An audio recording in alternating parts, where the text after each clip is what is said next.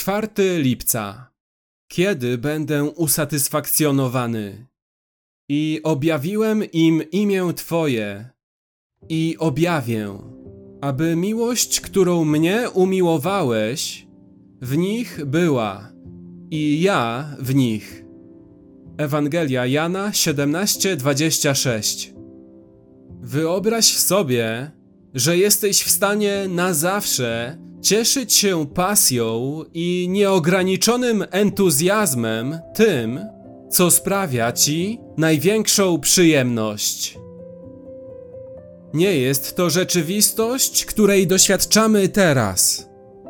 Trzy rzeczy stoją na drodze naszej pełnej satysfakcji na tym świecie.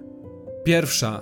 Nic w tym świecie nie ma wystarczająco wielkiej wartości, aby zaspokoić najgłębsze pragnienia naszych serc. Druga.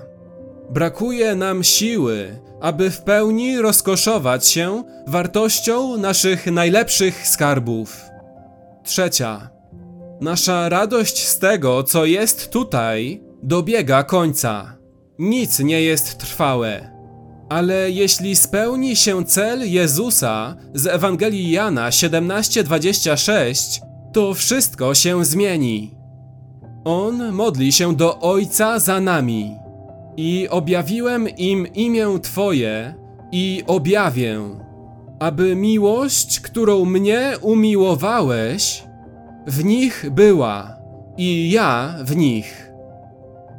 Bóg nie kocha syna w taki sposób, w jaki kocha grzeszników. Kocha syna, ponieważ syn jest nieskończenie godny miłości.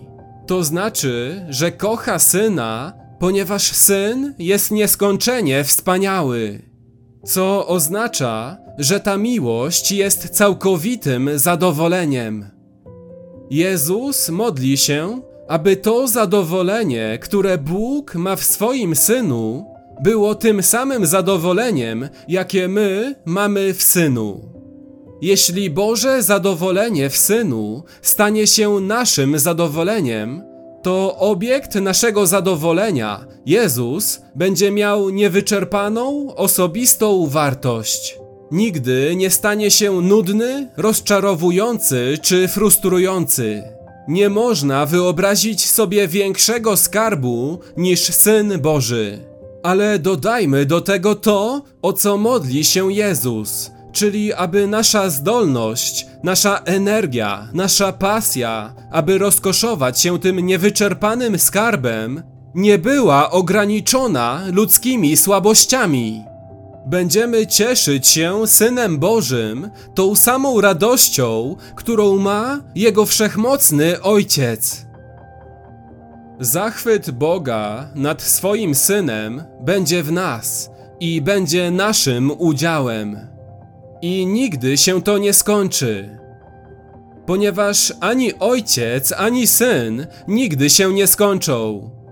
Ich miłość do siebie nawzajem będzie naszą miłością do nich. I dlatego nasza miłość do nich nigdy nie ustanie.